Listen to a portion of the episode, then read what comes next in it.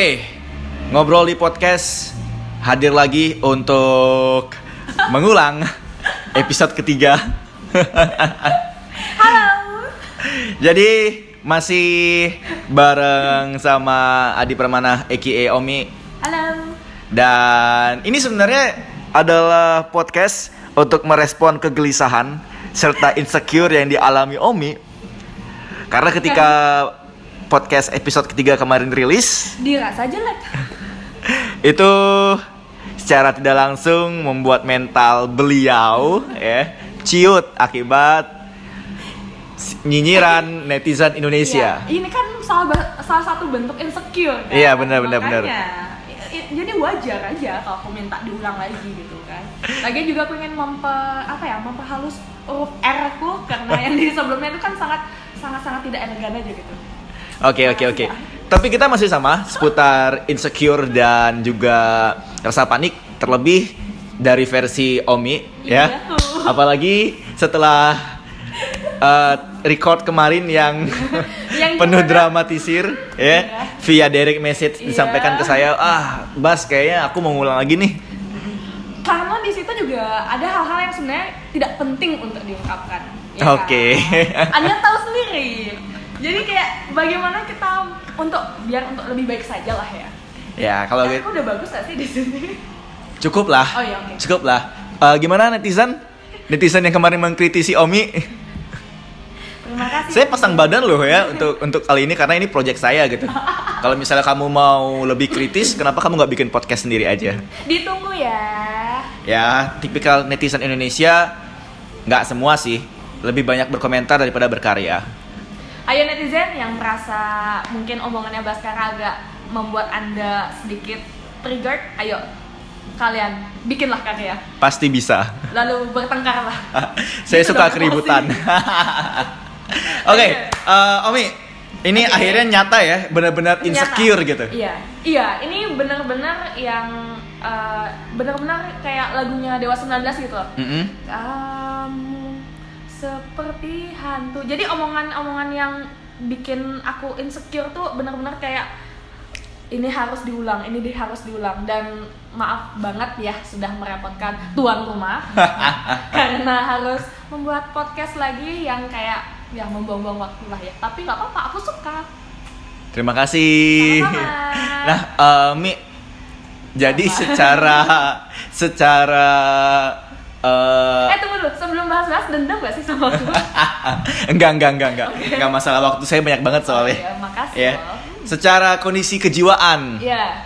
insecure menurut kamu yang sudah kamu rasakan, terlebih ini benar-benar real life banget nih. Iya.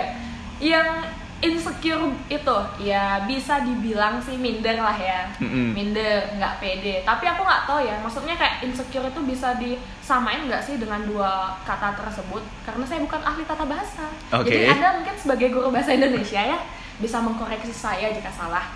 Nah, dan itu em, dan itu tuh kayak pasti selalu ada di setiap diri manusia. Jadi Mhm. emang wajar banget kita punya insecure. Yang terpenting adalah bagaimana kita mengolah insecure itu biar nggak menjadi eh, apa sesuatu yang ditakutkan banget sih. Kalau aku sih gitu. Semua pasti pernah insecure, insecure, insecure ditinggalin pas sayang sayangnya misalnya itu termasuk insecure loh. Curhat. Iya. Senyumannya mengandung sekali konten eksplisit. Nah, iya kan? Uh, uh, uh. Ngaku aja. Kamu pernah nggak sih? Alah kamu, alah. Gimana? Jangan senyum-senyum aja, oncom. Enggak ini kan eh, kita bahas insecure insecure Iya. yang eh, kamu alami ya. Jadi menurut kamu minder itu atau Hmm. rasa tidak percaya diri atau kecemasan itu memang melekat pada setiap diri individu eh, individu. Pasti, pasti melekat kayak eh, karena itu kan muncul dari sikap eh, inferior kita terhadap orang lain kan. Mm-mm. Karena kita tuh eh, gimana ya, selalu menilai diri kita mungkin pada apa pada fase-fase tertentu tuh lebih rendah dari diri orang lain. Apalagi didukung nih dengan biasanya omongan orang tua ya yang biasanya pasti pasti banget pernah ngebandingin kamu dengan orang lain. Kamu tuh nggak kayak si Ah, Joko ya. Tuh lihat tuh, Tuh, sebelah udah PNS. Hmm. Iya, pegawai negeri santai.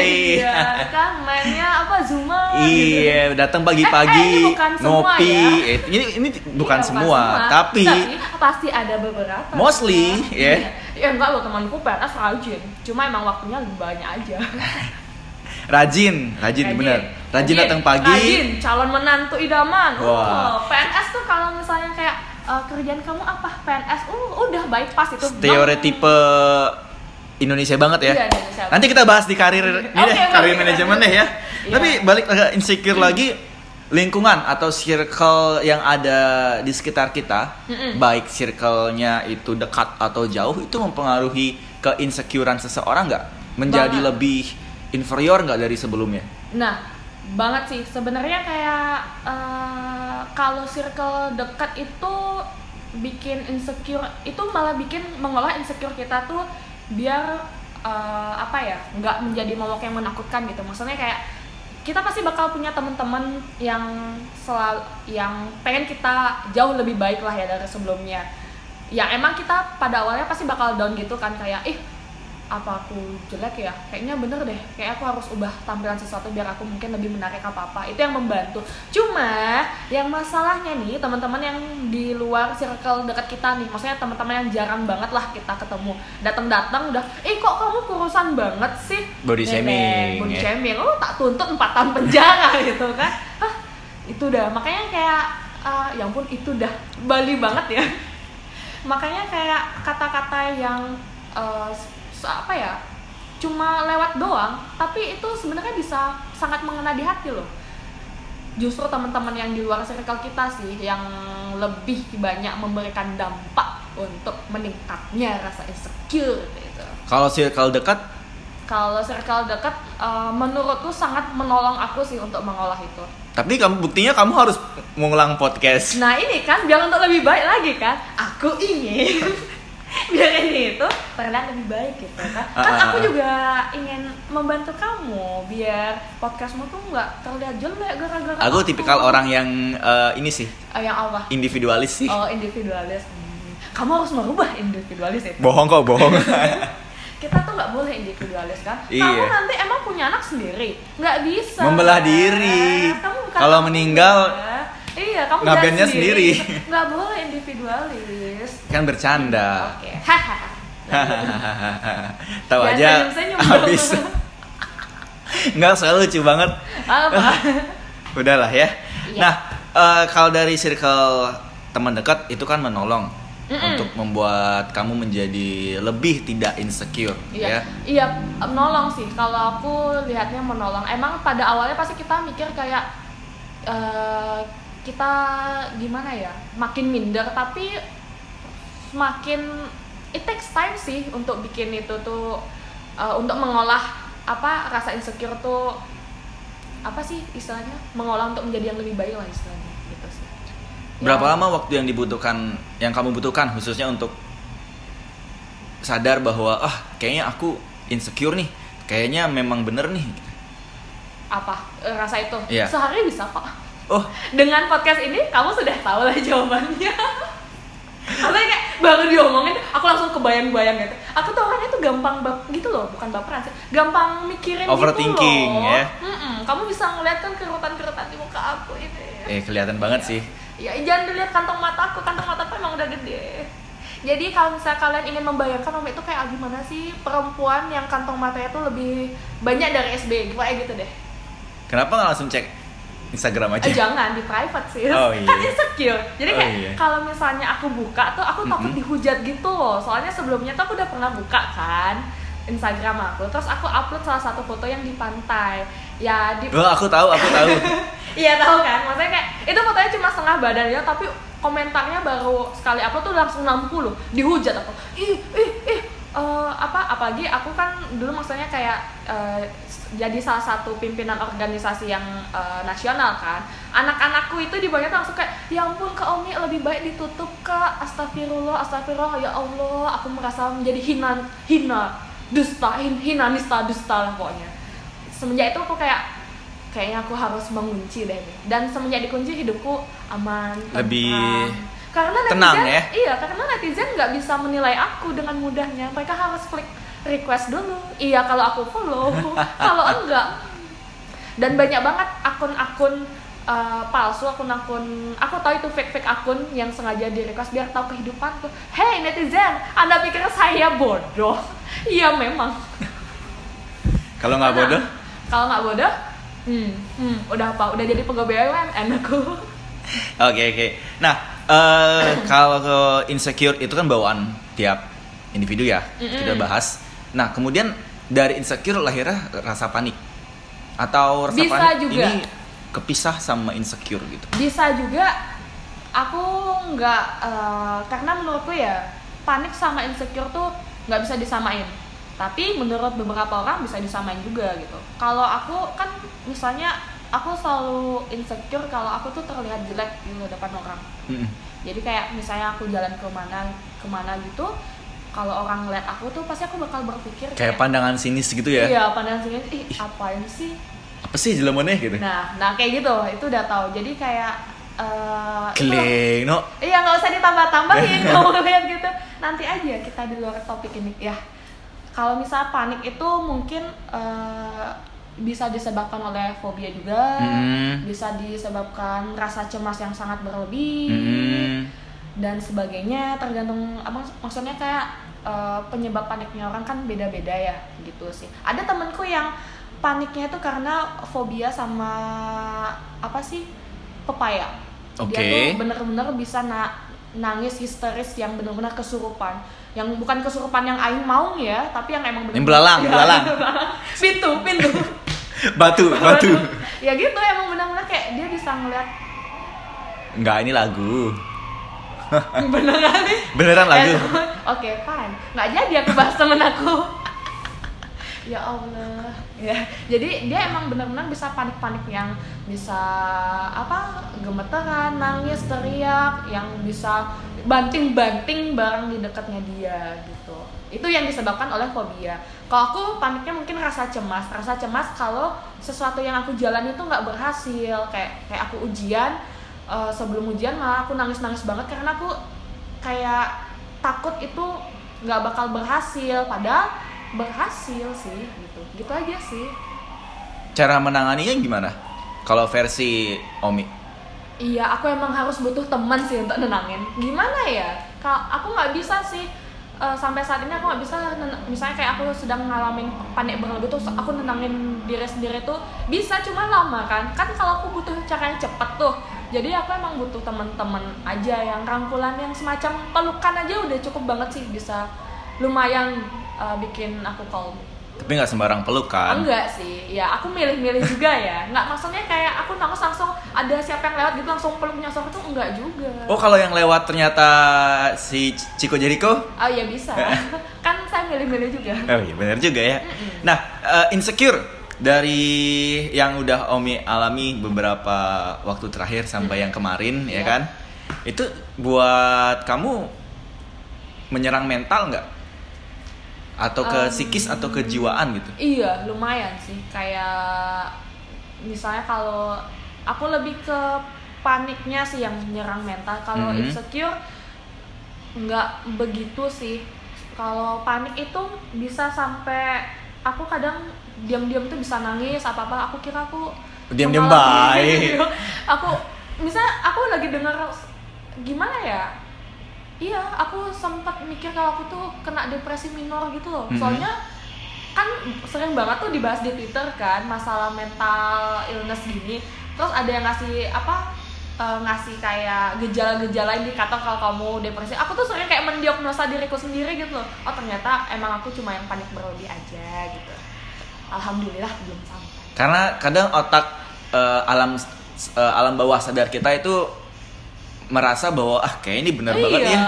Kayak ah, aku kayak gini deh. Ini kayaknya aku aku aku wah parah Iya, sih ini. pa- Parah banget. Ya itulah kita kan karena kita sama juga kayak ngeliatin zodiak kan ya. Mm-mm. Kalau misalnya kita ngeliat zodiak, kamu nih lagi kayaknya, "Uh, ini bener banget. Anaknya zodiak banget eh. Ya makanya itu karena kita kecenderungan suka apa ya? Sio juga nggak? Sio juga nggak? enggak sih. Kalau Sio jauh soalnya. Oh, Kalau oke. zodiak iya. Jangan di jangan di ini dong, di distraksi. Saya kan gampang ke distraksi jadinya. Maaf, maaf, maaf, Oke. maaf. Terus eh, kalau misalnya nah, gara-gara kita kan suka mengiyakan tuh sesuatu Mm-mm. kayak eh, apa ya self proclaim makanya kalau ada gejala-gejala kayak gitu pasti netizen netizen tuh juga seakan-akan bilang kayak eh aku punya penyakit mental apa apa. Ya nggak segampang itu mali. Pergilah ke profesional terdekat. Karena kan beberapa teman aku juga ada yang mengalami hal kayak gitu dan emang itu tuh nggak enak banget loh. Jadi mereka harus eh, apa ada konsultasi konsultasi muncrat dan konsultasi itu nggak murah loh dan Ya aku iyalah. iya maksudnya kayak ya allah konsultasi mahal juga ya ya jadi kalian yang suka mendiagnosa diri sendiri hey hey hey tidak semudah itu pergilah sana Kayak gampang banget, ih aku kena flu nih.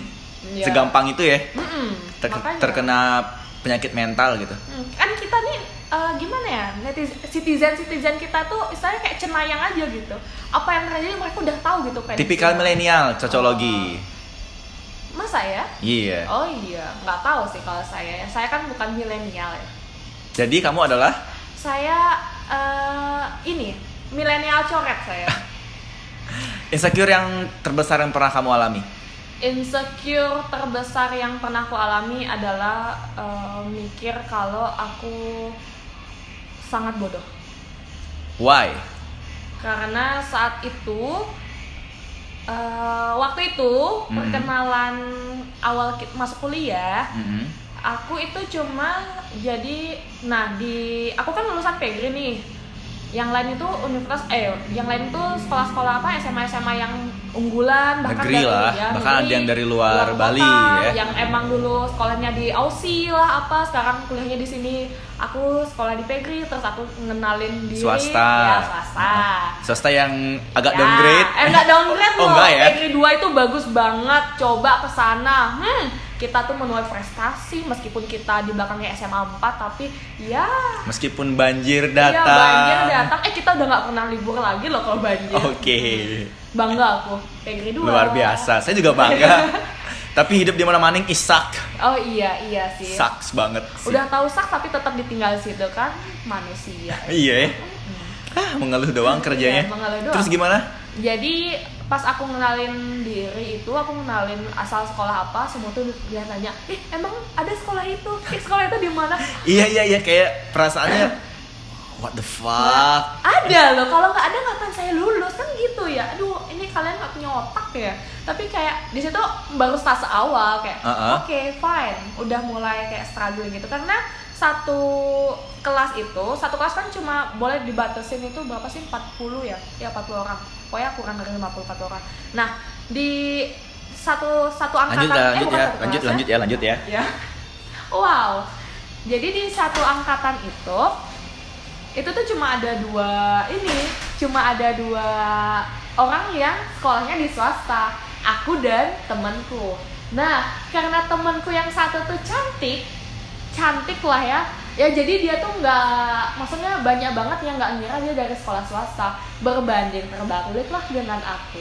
Apalagi tuh ketika aku bisa maksudnya kayak jawab apa gitu kan. Terus eh, mereka tuh kayak kayak gimana ya? Bukan mengunderestimate sih kayak bilang yang wih eh, dari Pegri ini bisa juga kayak gini. Itu tuh semakin mikir kayak aku tuh bodoh banget ya. Apa aku tuh nggak nggak layak gitu tapi ya semakin waktu sih itu semua bisa diandal ah bukan bisa diandalkan sih bisa diatasi dengan misalnya kayak aktif di organisasi terus aktif mewakilin kampus keluar kota itu jadi kayak aku membranding image ya lah yang nggak bodoh-bodoh amat lah ya tapi bisa digunakan lah Ketrigger karena ungkapan siapa sih? iya bukan sih ketrigger Kayak- karena ungkapan emang ada ya sekolah gitu waduh Emang pinter ya? ya waduh Anak anak anak swasta, anak pegri emang bisa ya gitu. Iya, hmm, ya gitu sih. Lebih insecure yang merasa diri bodoh. Apalagi tem- teman-teman aku kan pintar-pintar banget tuh. Mm-mm. Dan setiap mereka kayak cekatan lah istilahnya tuh aku merasa kayak, aduh kayaknya aku nggak pantas deh. Gitu sih. Terus cara kamu melawan keinsecurean yang kamu rasa merupakan the biggest Hmm. insecure in your life gitu. Iya challenge yourself sih. Mhm. Mau nggak mau sih aku trying so hard untuk eh, belajar lebih berat banget karena kan eh, apa ya mau nggak mau ya dari kalau misalnya aku terus merasa itu insecure insecure ya aku nggak bakal maju misalnya kalau dengan memberanikan diri juga waktu itu pertama kali aku ngirim waktu itu ada kayak kayak eh, kayak pengumuman ayo kirim abstrak eh, mengenai apa ya eh, apakah Indonesia bisa menjadi negara utama eh negara untuk menguasai ASEAN dan lain-lain. Terus aku memberanikan diri tuh eh, ngirimin abstrak dan terpilih. Jadi orang yang terpilih itu cuma dua orang awalnya. Mm-mm. itu untuk berangkat ke Padang. Tapi karena aku orang kedua yang orang pertama nih emang yang udah terkenal banget kalau dia tuh pinter, Pinter. yang queennya banget lah sedangkan Clever, aku ya. tuh yang kayak nggak nyangka banget loh eh Omi da- terus biasanya aku masuk kuliah aku masih ingat banget pas aku buka kelas semua orang tuh mata apa mandang aku tuh kayak cie cie cie aku pilih cie cie ya gimana kayak senang Sebenarnya cie cause. I envy ya. Eh, nggak tahu sih aku. Cuma kayak di situ aku merasa kayak wah ini pembuktian sih. Maksudnya kayak ya nggak bodoh-bodoh amat lah ya. Pada akhirnya kita berangkat bertiga itu kepada meskipun di sana aku tetap juga insecure karena kan situ eh, sama universitas-universitas lain yang jauh kastanya lebih Mm-mm. pintar lah ya misalnya gitu. Cuma dengan eh, akhirnya di situ bergaul, sharing dan lain-lain mau mulailah sih terobati sedikit demi sedikit. Oke, jadi Ya. insecure-nya dapat, penanggulangannya juga dapat ya. Oh, dapat. Itu mungkin yang harus teman-teman eh, pendengar, teman-teman ngobrol di podcast juga pahami kalau ternyata kamu merasa insecure, kamu juga harus tahu bagaimana menanggulanginya. Mm-mm. Karena kan kalau tidak diri sendiri, siapa lagi yang menyelamatkan? Nah, Betul nggak? Bedanya mungkin Mm-mm. banyak orang yang nggak tahu cara menanggulanginya kayak gimana, ya kan? Kita Mm-mm. kan nggak bisa juga eh, menyamaratakan kayak kayak aku mungkin kayak gini orang lain belum tentu kayak aku mungkin masih banyak yang terlambat nggak tahu ternyata aku tuh harus gimana sih sama diriku sendiri? Makanya dengan bantuan teman-teman juga itu makanya membantu untuk menyelesaikan sih masalah ini gitu. Kalau aku sih jujur dari aku pribadi yang akhirnya eh, menemukan cara cara melahan Untuk selamat. melawan. oh, oh, selamat itu kalau teman-temanku yang lain dia ada yang eh, perlu untuk sharing Bantuan orang lain ya. bantuan orang lain Untuk menghindari suicidal uh, commit juga, ya kan? Iya, itu masuknya ke mental illness murah sih soalnya Mm-mm. beda nggak sih maksudnya kalau menurut kamu gimana Kok nanyanya ke aku sih? loh kan aku maksudnya kayak kayak aku kan nggak ahli-ahli banget nih ya jadi Ah, kan aku pengen kita sharing aja gitu Nah, Gimana? eh, itu kalau menurut aku sih jatuhnya ke mental ya. Hmm. Bahasan lebih lengkapnya nanti adalah oke di episode-episode Makasih. berikutnya. Iya. Nggak kejawab jadi ya pertanyaanku. Kita fokus Nanti back insecure nih. Aduh, aduh pertanyaanku nggak kejawab. Nanti kamu dinyinyirin lagi sama netizen-netizen Oh, nggak di, apa-apa. di luar sana. dong nyinyirin lagi biar podcast ini tuh keulang lagi. Capek saya, Bu. Oke. Ada episode-episode berikutnya soalnya Oh, gitu. ya. Hmm. Biar nggak stuck gitu. Kayak program-program yang lain. Contohnya. Nggak mau cabut. Wah, Aku- tidak eksplisit nih. Aku tidak mau terlihat bangsat. Oke. Wah, padahal saya suka yang bangsat-bangsat. Menyembunyikan kejahatan. Kamu tau gak sih yang bangsat-bangsat tuh biasanya yang ngangenin loh. Wah, Jangan senyum-senyum gitu, bukan kamu yang dimaksud. loh, enggak. Kenapa bisa jadi saya? Enggak, nggak usah senyumnya penuh arti gitu. Oke, lanjut. Oh ya udah ya udah ya ya udah. Iya. Ini ini sebenarnya konten yang bikin kamu harus mengulang ini nih. Oh iya. Podcast ya. Lupa, maafkan aku netizen. Ya. Oke, eh, terakhir. Ya. Terakhir Omi. Dari insecure dalam diri kita itu menanggulangi kan sudah tadi ya. Mm-mm. Ada ada tips ada atau ada pesan nggak buat teman-teman yang ternyata kadar insecure-nya tuh besar banget. Hmm. Susah sih kalau tips. Maksudnya kayak eh aku bukan ahli ya, maksudnya dalam hal kayak gini. Cuma yang terpenting banget kalau emang kalian udah ngerasa wah ini emang udah bener-bener jadi penyakit nih Mm-mm. mungkin ya emang harus ke ini sih ke profesional maksudnya kayak kalau udah jadi toxic itu kita nggak bisa loh dengan bantuan diri kita sendiri Oke. Terus? jadi pasti kita butuh bantuan orang lain nggak tahu ya mungkin di beberapa orang lain itu uh, mereka bisa menanganinya sendiri. Cuma kalau aku di posisiku nih ya aku pasti udah pasti bakal butuh bantuan entah itu sahabat entah aku nanti pergi ke psikolog lah apa gimana.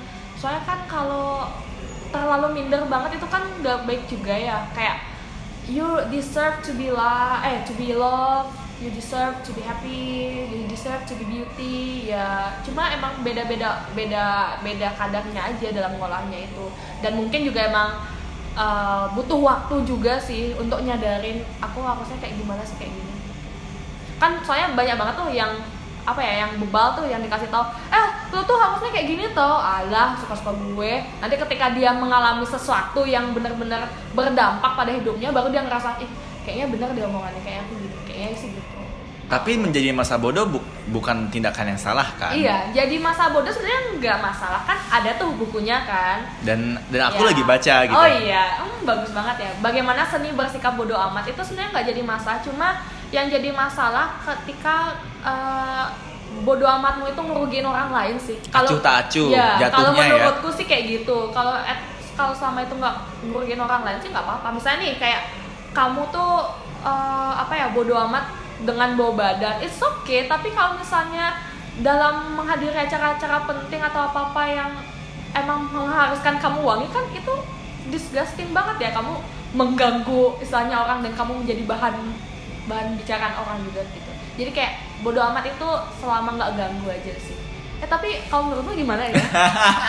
Kalau aku sih selama nggak ganggu bodo amat lah ya. Kayak Ya yang penting tidak mengganggu orang lain itu ya cukup sih. iya ya cukup sih Setuju. Ya. I, eh, i, ah nggak mau ah Oke deh kalau gitu terima kasih Omi Iya. ya untuk pengulangan podcast ini luar biasa Makasih. banget.